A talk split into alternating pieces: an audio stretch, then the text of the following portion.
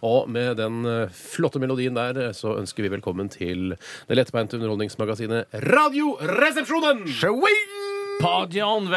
Party on Gat. Og velkommen til eh, mine to medresepsjonister eh, Bjarte Paulaner Tjøstheim. Takk for det, Basolini-sagen. Takk for det. Og Tore Sagen eh, sitter selvfølgelig også her.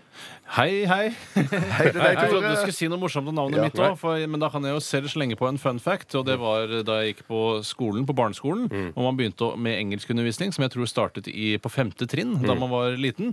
Da husker jeg at alle skulle få et engelsk navn som tilsvarte sitt norske navn.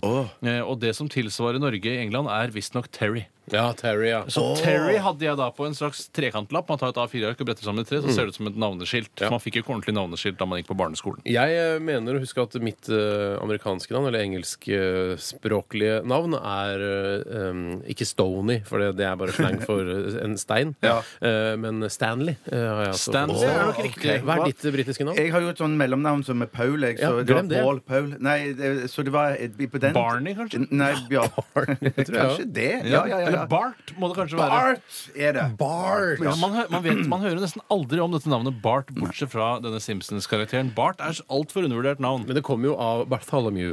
Er det Bartholomew? Ja, altså, eller noe det sånt. er det gamle jødiske navnet der. ja. Men på det tidspunktet i, i mitt liv så ble jeg ofte kalt for Bjarte Pool. Det var Det tviler jeg ikke veldig- på. Gjorde du Mm. det? Til tross for at du sannsynligvis ikke hadde så mye sex akkurat på det tidspunktet da Nei, du ble kalt Bjarte Pool? Ja, det, er helt, det var helt merkelig. Ja. Det navnet, ingen sex. Nei. Det er Men rart, det Steinar, der. du nevner jo dette med Bartholomew, at Bart er en forkortelse for det. Men betyr det at Bjarte er en forkortelse for Bjartholemy? Eh, Mo? Eh, Mo- Nei, Er det jeg vet forkortelse ikke. for Nei, noe? jeg vet ikke. Jeg vet ikke.